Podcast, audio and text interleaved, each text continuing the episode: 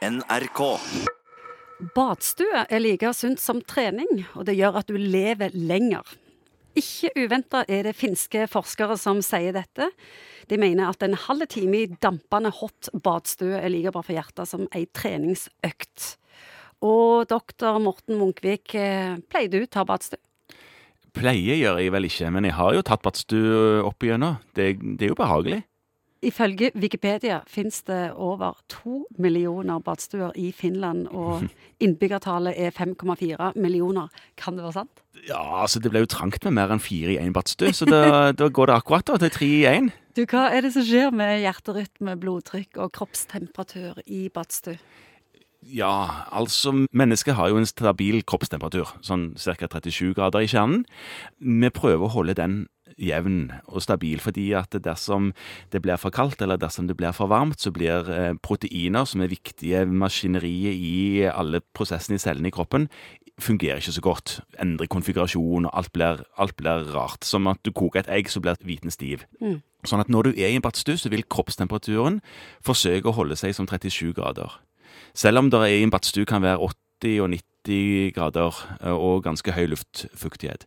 Så da vil du svette og kave for å prøve å eh, kvitte deg med så mye varme som overhodet mulig. Det er jo derfor du, derfor du svetter. Ja, så sier denne finske forskeren at det er like bra for hjertet som en treningsøkt. Ja, altså det denne finske forskeren sier er vel òg, eh, heldigvis, at mer forskning må til for å bekrefte alt det de finner i denne ene studien. Men det er sant, det. Dette er jo en slags passiv oppvarming når du varmer opp før at du skal trene og sånne ting, så er det jo det å gjøre kroppen varm og gjøre musklene varme, og de fungerer bedre når de har en varmere temperatur enn hvis du skal trene i Norge og det er vinter og det er minus ti ute, så vil musklene være kaldere enn de burde være for å fungere. Sånn, da varmer du opp. Og det er det samme som skjer i en badstue. Du varmer opp. Og der er det en treningseffekt i det. det en, men det er en passiv oppvarming. sånn at den treningseffekten du får, er jo ikke en slags treningseffekt. Det er mer en sånn kardiovaskulær effekt med at pulsen stiger i at du sitter i badstuen fordi at det, det, må til for å prøve å senke kroppstemperaturen. Men hva er det som er bra med det da, egentlig?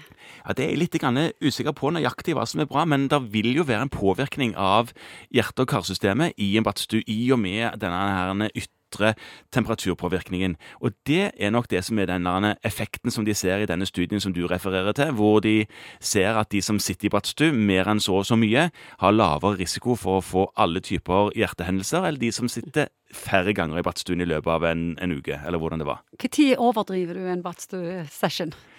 Ja, Hvis du begynner å bli småsvimmel og ør og eh, uvel, da gjør du for mye av det. Og hvis du er hjertesyk, så vil jo, fordi at dette her påvirker hjerte- og karsystemet Hvis du i utgangspunktet er hjertesyk, så vil du ha en lavere toleranse for de påvirkningene som du får i en badstue. Både med at du blir varm og pulsen stiger og det stresser hjertet, men òg med at du mister mye væske.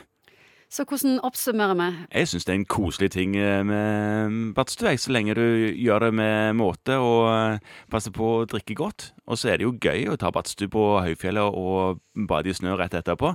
Det er jo litt halvmagisk, det, da. NRK.